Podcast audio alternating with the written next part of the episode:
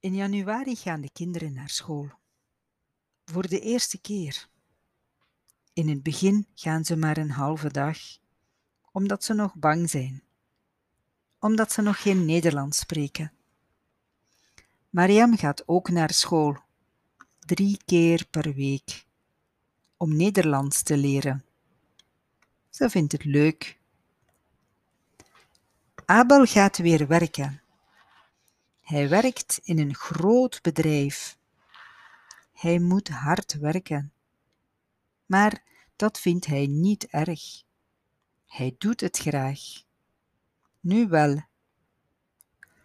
Als hij thuis komt, heeft Mariam eten voor hem gemaakt. Vroeger moest hij dat zelf doen. Wat ruikt het hier lekker, zegt hij. Ik ruik Eritrea.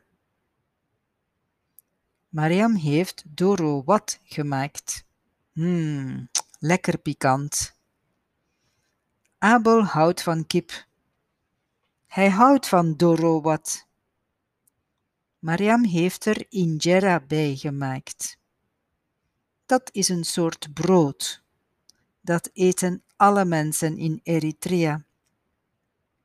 Kip, kip, zegt Fikru. Mariam lacht. Dat woord kent ze ook al in het Nederlands. De kinderen kijken tv. Naar Ketnet. Dat is voor kinderen. Zo leren ze de taal goed.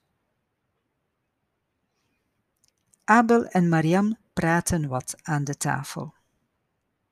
Abel vertelt over de tocht naar hier. Die was heel zwaar. Zwaar en gevaarlijk. Veel stappen zonder eten en drinken. Met te veel mensen in een auto. En dan veel te veel geld moeten betalen. Mannen met wapens. S'nachts de grens passeren. Mariam luistert. Abel praat er niet zo graag over.